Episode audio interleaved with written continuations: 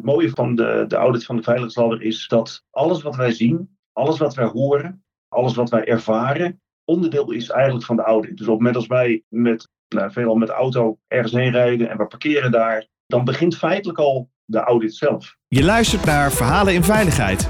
Deze podcast brengt verhalen over veiligheid samen van de mensen die het doen. Met wisselende onderwerpen. Verhalen vanuit de wetenschap, verhalen vanuit de praktijk, maar vooral verhalen die raken uit ons mooie vak. Uw presentatrice Orlie Borlak.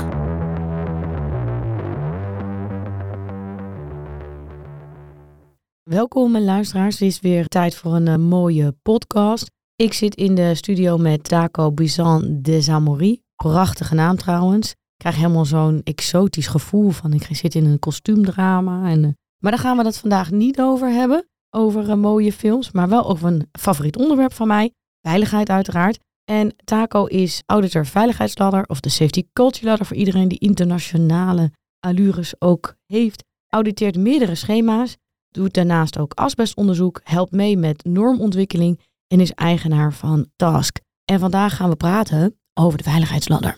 En vooral auditeren van de veiligheidsladder. Ik ben heel erg benieuwd. Praat me eens even helemaal bij. Hoe gaat zo'n audit in de echte praktijk?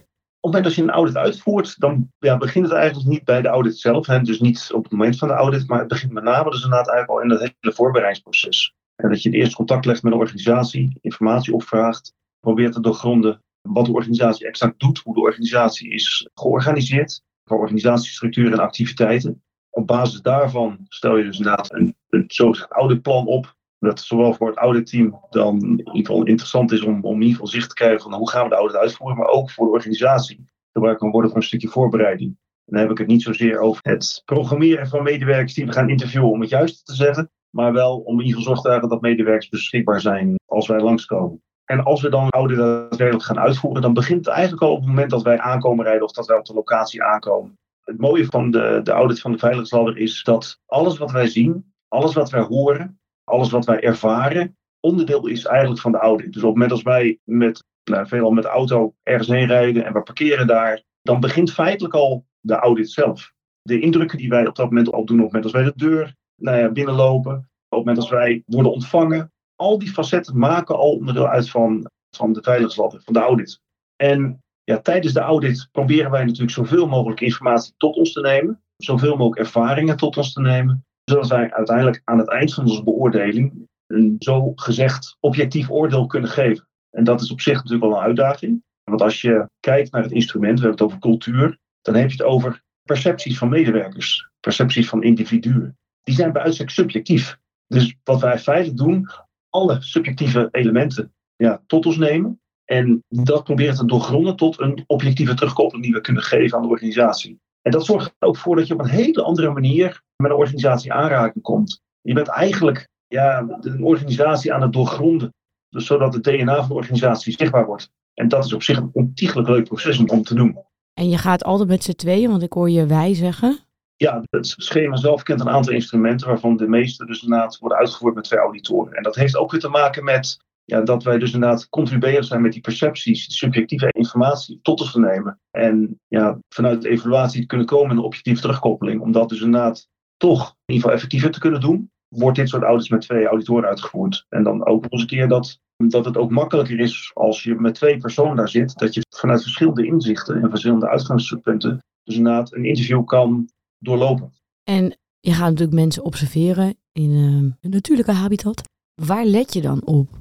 Als je naar binnen gaat, wat zijn dingen wat je zegt, nou daar kijk ik echt altijd naar? Ja, dat verschilt per audit en per organisatie. Allereerst, de eerste indruk die je vaak doet van uh, hoe rommelig is het? Welke rust heerst er? En het feit dat het even rommelig is in een omgeving wil niet zeggen dat het slecht is. Als je bijvoorbeeld een hele sterke creatieve omgeving zit, kan het zijn dat er ontiegelijk veel prikkels zijn, door wat voor reden ook. Maar dat past dan ook binnen de organisatie. Dus je kijkt ook wel of er een match is tussen de activiteiten van de medewerker en de omgeving waar die de werkzaamheden in verricht. En ja, daar is geen exacte maatstaf voor. Het is gewoon het gevoel wat je ook als auditteam ontvangt. Van oké, als we ergens komen, wat voor indruk krijgen wij? voelt het goed aan? Of voelt het nou ja, gespannen aan? Want ook dat komt wel eens voor. Ja, precies. En let je ook heel erg op taalgebruik als je met mensen praat? Nou, dat hangt van de persoon in kwestie af. Kijk, bij zo'n audit als dit Wij auditeren hele kleine organisaties, minimaal zes, tot aan grote organisaties. Nou ja, denk in de orde van 10, 12.000 man en alles daartussen. Dat betekent ook dat je behoorlijk wat niveauverschil hebt qua opleidingen, qua taalgebruik zelf. Dus dat betekent dat je als auditteam ook goed moet afstemmen met de persoon die je interviewt, of personen die je interviewt, van ja, wat is het taalniveau? En dat je een persoon niet gaat overvragen met nou ja, te moeilijke woorden of met processen waar die persoon helemaal niks mee van doen heeft. Nee, maar ik bedoel ook woordkeuzes, want ik doe zelf ook cultuurmetingen. En ik Hm. merk dat ik let op een heleboel dingen. Ik let bijvoorbeeld op of mensen te laat komen. Ik let op participatie. Komen mensen opdagen op het moment dat ze zouden moeten komen opdagen? Ik Hm. let op woordkeuze. Praat je heel veel over geld of praat je heel veel over mensen en veiligheid? Het gekke is als je mensen gaat interviewen dat ze er zich op een gegeven moment niet meer bewust zijn dat ze eigenlijk gemeten worden. En dat ze dus ja, dingen zeggen die soms helemaal niks met veiligheid te maken hebben. Waar dus alleen maar ja, productie, geld, behalen van doelen, geen tijd willen investeren in veiligheid. Terwijl ze weten dat ze op dat moment in de audit zitten. Maar toch lijken ze dat ergens dan niet meer helemaal door te hebben. Heb jij ja, soortgelijke ervaringen? Ja, ja, absoluut. Zeker als we kijken dus inderdaad naar nou ja, het taalgebruik inderdaad, zoals zoals jij dat nu aangeeft. Dan merk je wel dat als je een financieel manager spreekt of iemand die dus inderdaad verantwoordelijk is voor calculatie, ja, dan zal die veel meer de dialoog voeren vanuit zijn belevingswereld. En na al die jaren nu ik dit schema heb geauditeerd, dat het gesprek helemaal niet over veiligheid en gezondheid hoeft te gaan, maar dat er eigenlijk altijd een relatie te maken is tussen hetgeen wat de medewerker zegt in relatie tot veiligheidscultuur. Dus het gesprek hoeft ook niet zozeer over veiligheid te gaan. Maar tegelijkertijd gaat het altijd over veiligheid en gezondheid als je het bekijkt vanuit de breedste zin van het woord. Wat je vanuit het schema eigenlijk behoort te doen. Dus wij kijken dan absoluut ook wel naar woordkeuzes. Absoluut. Ja, als het ons triggert, ja, dan vragen wij daarop door. Als we denken van, hé, hey, wacht even, is dit nou een bewuste keuze of is het een onbewuste keuze? En wat betekent dat dan weer voor ons onderzoek? Met dat proces zijn we continu bezig. Superleuk. Kun je een voorbeeld noemen? Want ik ben natuurlijk nu nieuwsgierig. Hoe gaat zo'n gesprek? Dat je zegt, we praten niet over veiligheid, maar ik kom er wel achter hoe jij in de wedstrijd zit. Ja, het begint in eerste instantie met het zogezegd breken van het ijs. Een bepaalde spanning is er altijd, en dat is bij de ene persoon meer dan de ander. En dat voel je al vrij snel aan. En dat betekent dat je, waar wij mee starten bij aanvang van een eh, interview, is altijd een stukje introductie. En die introductie, die bevat altijd een aantal basiselementen. Hè, van dat duidelijk is dat het hier niet zozeer gaat om de expliciete waarheid, maar dat het gaat om de ervaringen en de belevingen zoals een medewerker dat in ieder ervaart. En dat er ook niet zoiets is dus als goed of fout. Dat wij binnen onze audit ook met name op zoek zijn naar sterkpunten en naar verbetermogelijkheden. We benaderen het niet vanuit de traditionele afwijkingen, goed-slecht verhoudingen. En dat wij gewoon als auditteam gewoon op zoek zijn naar informatie. En dan beginnen we eigenlijk altijd met de medewerker zelf. En dat hij zichzelf kan voorstellen, eventueel persoonlijke dingen kan vertellen. Iets over zijn werkervaring. Ook natuurlijk over zijn taken, verantwoordelijkheden en bevoegdheden die hij vervult. Van daaruit ontwikkelt zich een natuurlijk gesprek. En dat kan gaan op een stukje introductie wat hij heeft aangedragen. Met betrekking tot persoonlijke ervaring, werkervaring, eventuele taken die hij uitvoert. Daar zoomen we eigenlijk altijd wel op in. En wat zijn zijn werkzaamheden nou eigenlijk? En mensen vinden het in zijn algemeen altijd wel makkelijk om te praten over datgene waar ze dagelijks mee bezig zijn. En dan ontstaat bijna altijd wel een natuurlijk gesprek daarover. En misschien kennen de luisteraars jou niet, maar Daco auditeert echt heel veel bedrijven. Dus er zullen ook een heleboel bedrijven zijn die luisteren en denken, ja, je bent bij ons langs geweest. Je hebt zo'n bak aan ervaring. Ik voel me ook af van, zie je nou patronen? Dat je zegt van, nou, als ik kijk naar bijvoorbeeld een reactieve of calculatieve cultuur, dan zie ik eigenlijk altijd dit soort woordkeuzes, gedragspatronen. Dit observeer ik bijna altijd. Ja, dat vind ik lastig om te zeggen. Ik probeer altijd in principe al, altijd open-minded naar een audit te gaan. Dus niet al enigszins voorgekleurd doordat een organisatie in een bepaalde sector werkt of bepaalde activiteiten uitvoert of een bepaalde opdrachtgever heeft. Dus dat daar een bepaalde relatie ligt. En tegelijkertijd neem je natuurlijk die kennis en ervaring, ja, neem je natuurlijk altijd wel mee. Als ik zeg van nou is er een heel vast patroon, nou niet direct. Het begint bij een stukje ontvangst al. Op het moment als wij ons melden en we gaan het gesprek uiteindelijk in, de wijze hoe men dan binnenkomt, en dat heeft ook een beetje te maken met zoals jij dat in de aangeeft, en zijn ze op tijd,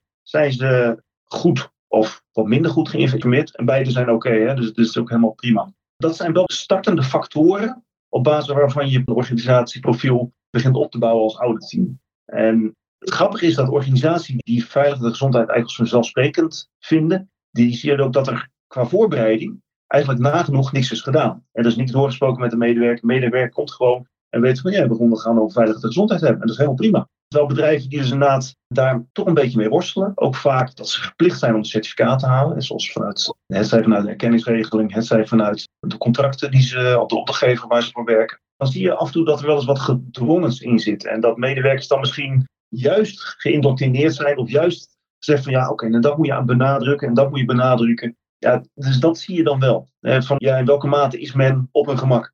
Oh, mooi, want ik noem het altijd het opsturen van het promotiemateriaal. Dus ik heb ook wel eens, dan uh, moet ik langskomen voor een meting. En dan na aanloop van de meting krijg ik allemaal documenten opgestuurd waaruit blijkt hoe goed ze bezig zijn. Ja. Ja, mooi. En wat doe je eigenlijk als mensen gewoon voor het cijfer gaan? Hè? Dus mensen weten dat je langskomt, ze willen gewoon treden 4. Dat moet misschien van directie of ze willen het zelf. En dan gaan ze zichzelf echt heel goed beoordelen. Hoe breek je daar doorheen? Want een, een audit, ik weet niet hoeveel bezoeken mag je doen? De steekproef hangt af van de omvang van de organisatie en ook het aantal projecten en locaties. Dus het schema zelf kent gewoon een mandagenstafel die is gebaseerd op het aantal FTE binnen de organisatie. Dat is dan zowel intern als inhuur. Dus, dus je hebt ook een momentopname. En als je nou het gevoel hebt, zoals wat ik net een beetje beschreef van, er wordt me eigenlijk toch een veel rooskleuriger beeld geschetst, hmm. dan ik eigenlijk tussen de regels een beetje hoor. Hoe pak jij door? Wat zijn jouw strategieën om eigenlijk de onderste steen boven te krijgen? dan kom ik weer eigenlijk bij het stukje wat ik eerder aangaf. Dat begint eigenlijk al bij het vaststellen van je stakeholder. Op het moment dat je dat doet en je weet dat, dat je een organisatie hebt die in een bepaalde sector zit, al een bepaalde opdrachtgever heeft en dus inderdaad het certificaat moet behalen, dan baseer je selectie al dat je weet, oké, ik heb een zo'n robuust mogelijke stakeholder die ik hier kan halen uit deze organisatie. En natuurlijk, je zal altijd wel bijvoorbeeld managers, kaderfunctionarissen, directieleden hebben die dan een mooi verhaal hebben. En het leuke is, van, wat wij gewoon gaan doen, is spiegelen. Dus hetgeen wat we gehoord hebben bij het ene, ja, dat reflecteren we bij het andere. En niet dan op dezelfde manier, want ja, de interviews zijn volledig open. Dus we hebben geen vaste vragenlijst geformuleerd. We voeren gewoon eigenlijk een natuurlijk gesprek zoals wij nu hebben. En binnen dat proces zijn we continu bezig met spiegelen. hey, hier hebben we dat gehoord, hier horen we dit. hey, dat rijmt niet met elkaar. Dus juist door dat spiegelende effect ben je in staat om vast te stellen, hé, hey, wacht even, hier klopt iets niet. Er wringt iets. En dat kan zijn dat het dus komt door de wijze hoe de organisatie de audit is aangevlogen. Maar het kan ook gewoon zo zijn dat dat dus inderdaad de bespiegeling is van de cultuur die er op dat moment is. En dat bijvoorbeeld directie een ander beeld heeft van de VNG-cultuur dan de operationele omgeving. Want dat kan ook. Ja, dus ik hoor jou zeggen van ik ben op zoek naar tegenstellingen, discrepanties. En ik pak die discrepanties om eens door te vragen van hoe zit het nou, hoe kijk je er tegenaan, wat is jouw beleving, hoe geef je de invulling aan. Dus eigenlijk om een soort deep dive te nemen. Door niet eens zozeer op zoek naar of mensen het rooskleurig maken, maar eerst van hoe zit dat nou? En mensen daar eens op bevragen. Maar ik neem aan dat je ook best wel veel tijd voor zo'n gesprek nodig hebt. Want het is een soort ja, een vertrouwen die je gedurende dat gesprek denk ik aan het opbouwen bent. Hoe lang duren zulke gesprekken ongeveer? Ja, dat kan iets wat verschillen, maar we proberen eigenlijk altijd rond een uur, misschien net even iets meer dan een uur voor een gesprek uit te trekken. En daar zit dus inderdaad een stukje naar introductie bij. Wat ik al zei, van het, nou ja, het, zoals een breken van het ijs. Daar zit ook een terugkoppeling bij, samenvatting die we dan na afloop van het gesprek geven. Om ook duidelijk te maken aan de geïnterviewde wat wij nou eigenlijk meenemen. Zonder daar dan een waardeoordeel aan toe te kennen. Maar dan kom je dus effectief op ongeveer een uur spreektijd uit. Nou ja, in een uur kan je een behoorlijke band opbouwen. En je kan ontiegelijk veel facetten van de medewerker kan je dus inderdaad bespreken. En hoe lang doe je dit werk al? Volgens mij echt heel lang, hè? Moet ik zeggen dat ik het nog ineens exact weet. Maar inderdaad al best wel een tijdje, ja. Ja, als ik zeg meer dan 15 jaar, ben ik dan in de goede richting? Als auditor denk ik wel. Met het schema bestaat natuurlijk nog geen 15 jaar, hè, dus dat, dat dan nog niet. Maar ik hou mij al 15 jaar auditor. Dan denk ik dat je best in de goede richting zit, absoluut. En wat zijn je nou in die afgelopen jaren nou opgevallen? Zijn echt de dingen dat je zegt, nou, ja, zonder namen te noemen, ik weet dat je dat niet mag. Maar van, ja, dit is me wel opgevallen. Nou, als ik dan kijk, met name even naar de, de. Ja, de ontwikkeling van het schema zelf, hoe dat gegaan is. Enerzijds vrij traag. Het opstellen van het oorspronkelijke exemplaar, toen het nog veiligheidsprestatieladder heette, dat ging vrij snel. Toen we op de markt zitten, nou ProRail was daar in instantie de facilitator, CQ trekker van, initiator van het hele proces. Ja, en toen is het eigenlijk best snel gegaan. Toen sloot Tenet zich eigenlijk bij dat geheel aan. Heeft het toen als ingangscriterium genomen voor zijn inkoopprocessen. En ja, toen werd het nog groter. Toen sloot uiteindelijk de governance code vanuit veilige aanbesteding eraan. Waarbij het in de sector bouw eigenlijk gewoon een contracteis is geworden. Je ziet inderdaad een behoorlijke groei ontstaan van een schema waarbij het zowel nationaal als internationaal is. Dus dat is op zich heel mooi. Aan de andere kant, als je kijkt naar hoe het schema zich dan ontwikkelt, de eerste certificaten werden vrij snel uitgegeven in de spoor. En het nadeel daarvan was dat er dus inderdaad ook behoorlijk wat commerciële druk op stond. En die commerciële druk zorgde dus inderdaad voor automatisch ook verspanningen tussen de organisatie die wij beoordelen en het auditteam. Want ja, heel simpel, op het moment dat jij een bepaalde training niet haalt, betekent dat je een bepaalde gunningskorting niet hebt. Oftewel, dat zet behoorlijk druk op auditoren. En die druk is er klein beetje af, nog niet helemaal hoor, want vanuit de erkenningsregeling, vanuit PRO wordt ons steeds verlangd. Nou ja, heel simpel. Wil je een aanbesteding momenteel in de sector bouwen, moet je minimaal 2 certificaat hebben. Maar je ziet wel langzaamaan steeds meer bedrijven die ook echt werkelijk het schema willen adopteren. Het leidt gewoon tot structurele verbetering binnen de gehele bedrijfsvoering. En dan hebben we het niet enkel over veiligheid en gezondheid. Dus dat vind ik wel een hele mooie kentering die uiteindelijk steeds meer aan het ontwikkelen is. Ja, dus externe prikkels aan het verdwijnen. En dat is ook wel goed. En de intrinsieke motivatie neemt toe. Maar is dat ook niet een beetje de ontwikkeling die we in Nederland aan het doormaken zijn? Dat we in Nederland steeds meer aandacht aan het krijgen zijn voor veilig werken. En dat we eigenlijk ook niet meer accepteren dat je gewond raakt op het werk. Eens, die daar de roep om, om, om veilige werkomgeving is natuurlijk eigenlijk altijd al wel geweest. En men heeft door de jaren heen steeds weer andere instrumenten ingezet om dat uiteindelijk te. Nu is dan de veiligheidsladder neergezet. En wat grappig wel is, wat je in het verleden wat minder zag, is dat ook de traditionele schema's, dus inderdaad ISO 50001 en ook VCA, dat je nu een soort synergie ziet ontstaan waarbij de traditionele managementsystemen ook mee willen liften op de veiligheidsladder om ja, daar ook van zeker te profiteren, maar ook elkaar te versterken. Dus dat zijn ook wel hele mooie bewegingen. En zou de toekomst iets zijn voor een geïntegreerd uh, systeem? Dat je zegt, nu zijn het allemaal losse elementen die eigenlijk over heel veel van dezelfde ja, organisatieonderdelen gaan, hè, bedrijfskarakteristieken. Maar het gaat eigenlijk over gewoon je organisatiestructuur. Is dat niet de toekomst? Dus dat je zegt, we voegen ze samen, we gaan het en over cultuur hebben en over de feitelijke dingen die we doen? Het zou een logische gevolg zijn. Als je pragmatisch ernaar kijkt, vanuit efficiency, vanuit, ook vanuit kosten. Als je al alle certificaten bekijkt die men tegenwoordig moet hebben, dat is 9001, VCA 14001 en ISO 45 als VCA niet hebben, de veiligheidslabber. En dan is er dan ook nog andere technische certificaten die ze moeten hebben. Nou, dat is een gigantische scala aan certificaten. Wat behoorlijk zal drukken ook op, op het overhead. Alleen daar al, en ook van de benodigde capaciteit, zou je eigenlijk zeggen, nou jongens, is het niet mogelijk om het vanuit, om een organisatie, vanuit een breder perspectief te bekijken en dan al die facetten mee te nemen. Dus ik zou het heel logisch vinden. Tegelijkertijd is er nog steeds het leeft in, in Nederland dat organisaties bevestiging nodig hebben van één specifiek certificaat om aan te geven dat je het goed doet. En opdrachtgevers houden dat ook in stand, bijvoorbeeld door middel van tenders, door middel van bestekken, door er expliciet die certificaten in op te nemen. En dus ik denk dat de wil er uiteindelijk wel is, maar dat het ook voor een heel groot deel door het administratieve verhaal wat we gewend zijn, gewoon ja, nog steeds zo is zoals het is. En dus inderdaad veel houdt een certificaat. Ik hoor je eigenlijk ook een beetje zeggen dat organisaties leunen op audits. Eén, het is een last. Maar aan de andere kant hoor ik je ook eigenlijk tussen de regels zeggen, het is een houvast. Ja, als je kijkt bijvoorbeeld naar een norm als 9001, die is nu door de high-level structure die er nu is ingezet, geeft de organisatie al meer de mogelijkheid om het aan te passen aan een eigen organisatie. Als we kijken bijvoorbeeld naar VCA, hebben we hele expliciete minimumwijzen. Als we dan kijken naar cultuur, VNG-cultuur, ja, dan hebben we het over sowieso auditerende geest van. En we hebben het over cultuur, dus dat is voor veel organisaties toch best ongrijpbaar. Dus ja, dat is nog altijd wel even zoeken van, ja, maar wanneer doen we nou goed? Als we het hebben over de traditionele certificaten, ja, dan is het referentiekader waarop ze gebeoordeeld worden, is gewoon eigenlijk relatief duidelijk. Als het hebben over cultuur, ja, wat gaat die auditor vragen? Waar gaan ze naar kijken? Het is, dat maakt het ook enigszins ongrijpbaar. Maar bedrijven die zich uiteindelijk wel over dat stukje drempelvrees heen zetten en ook daadwerkelijk kijken naar de toegevoegde waarde, ja, die waarderen dat. Want ja, er wordt op een manier de spiegel voorgehouden die de andere schema's niet doen. Ja, mooi. Nou, dankjewel voor deze eh, interessante podcast. Ja, het is een uh, leuk onderwerp. Ik kan er uren over praten. Nou, wellicht kom je dan nog een keertje terug als de ladder misschien een uh, grote vernieuwing uh, heeft doorgemaakt waar we dan over kunnen nabomen en praten. Maar dank je wel voor deze leuke bijdrage. Ja, graag gedaan. En daar misschien nog even als laatste nog eventjes. De nieuwe veiligheidsladder is momenteel in ontwikkeling. er is een concept. Nou goed, wie weet dat we elkaar inderdaad in de nabije toekomst spreken over het nieuwe schema. Ja, leuk. Dankjewel. Graag gedaan.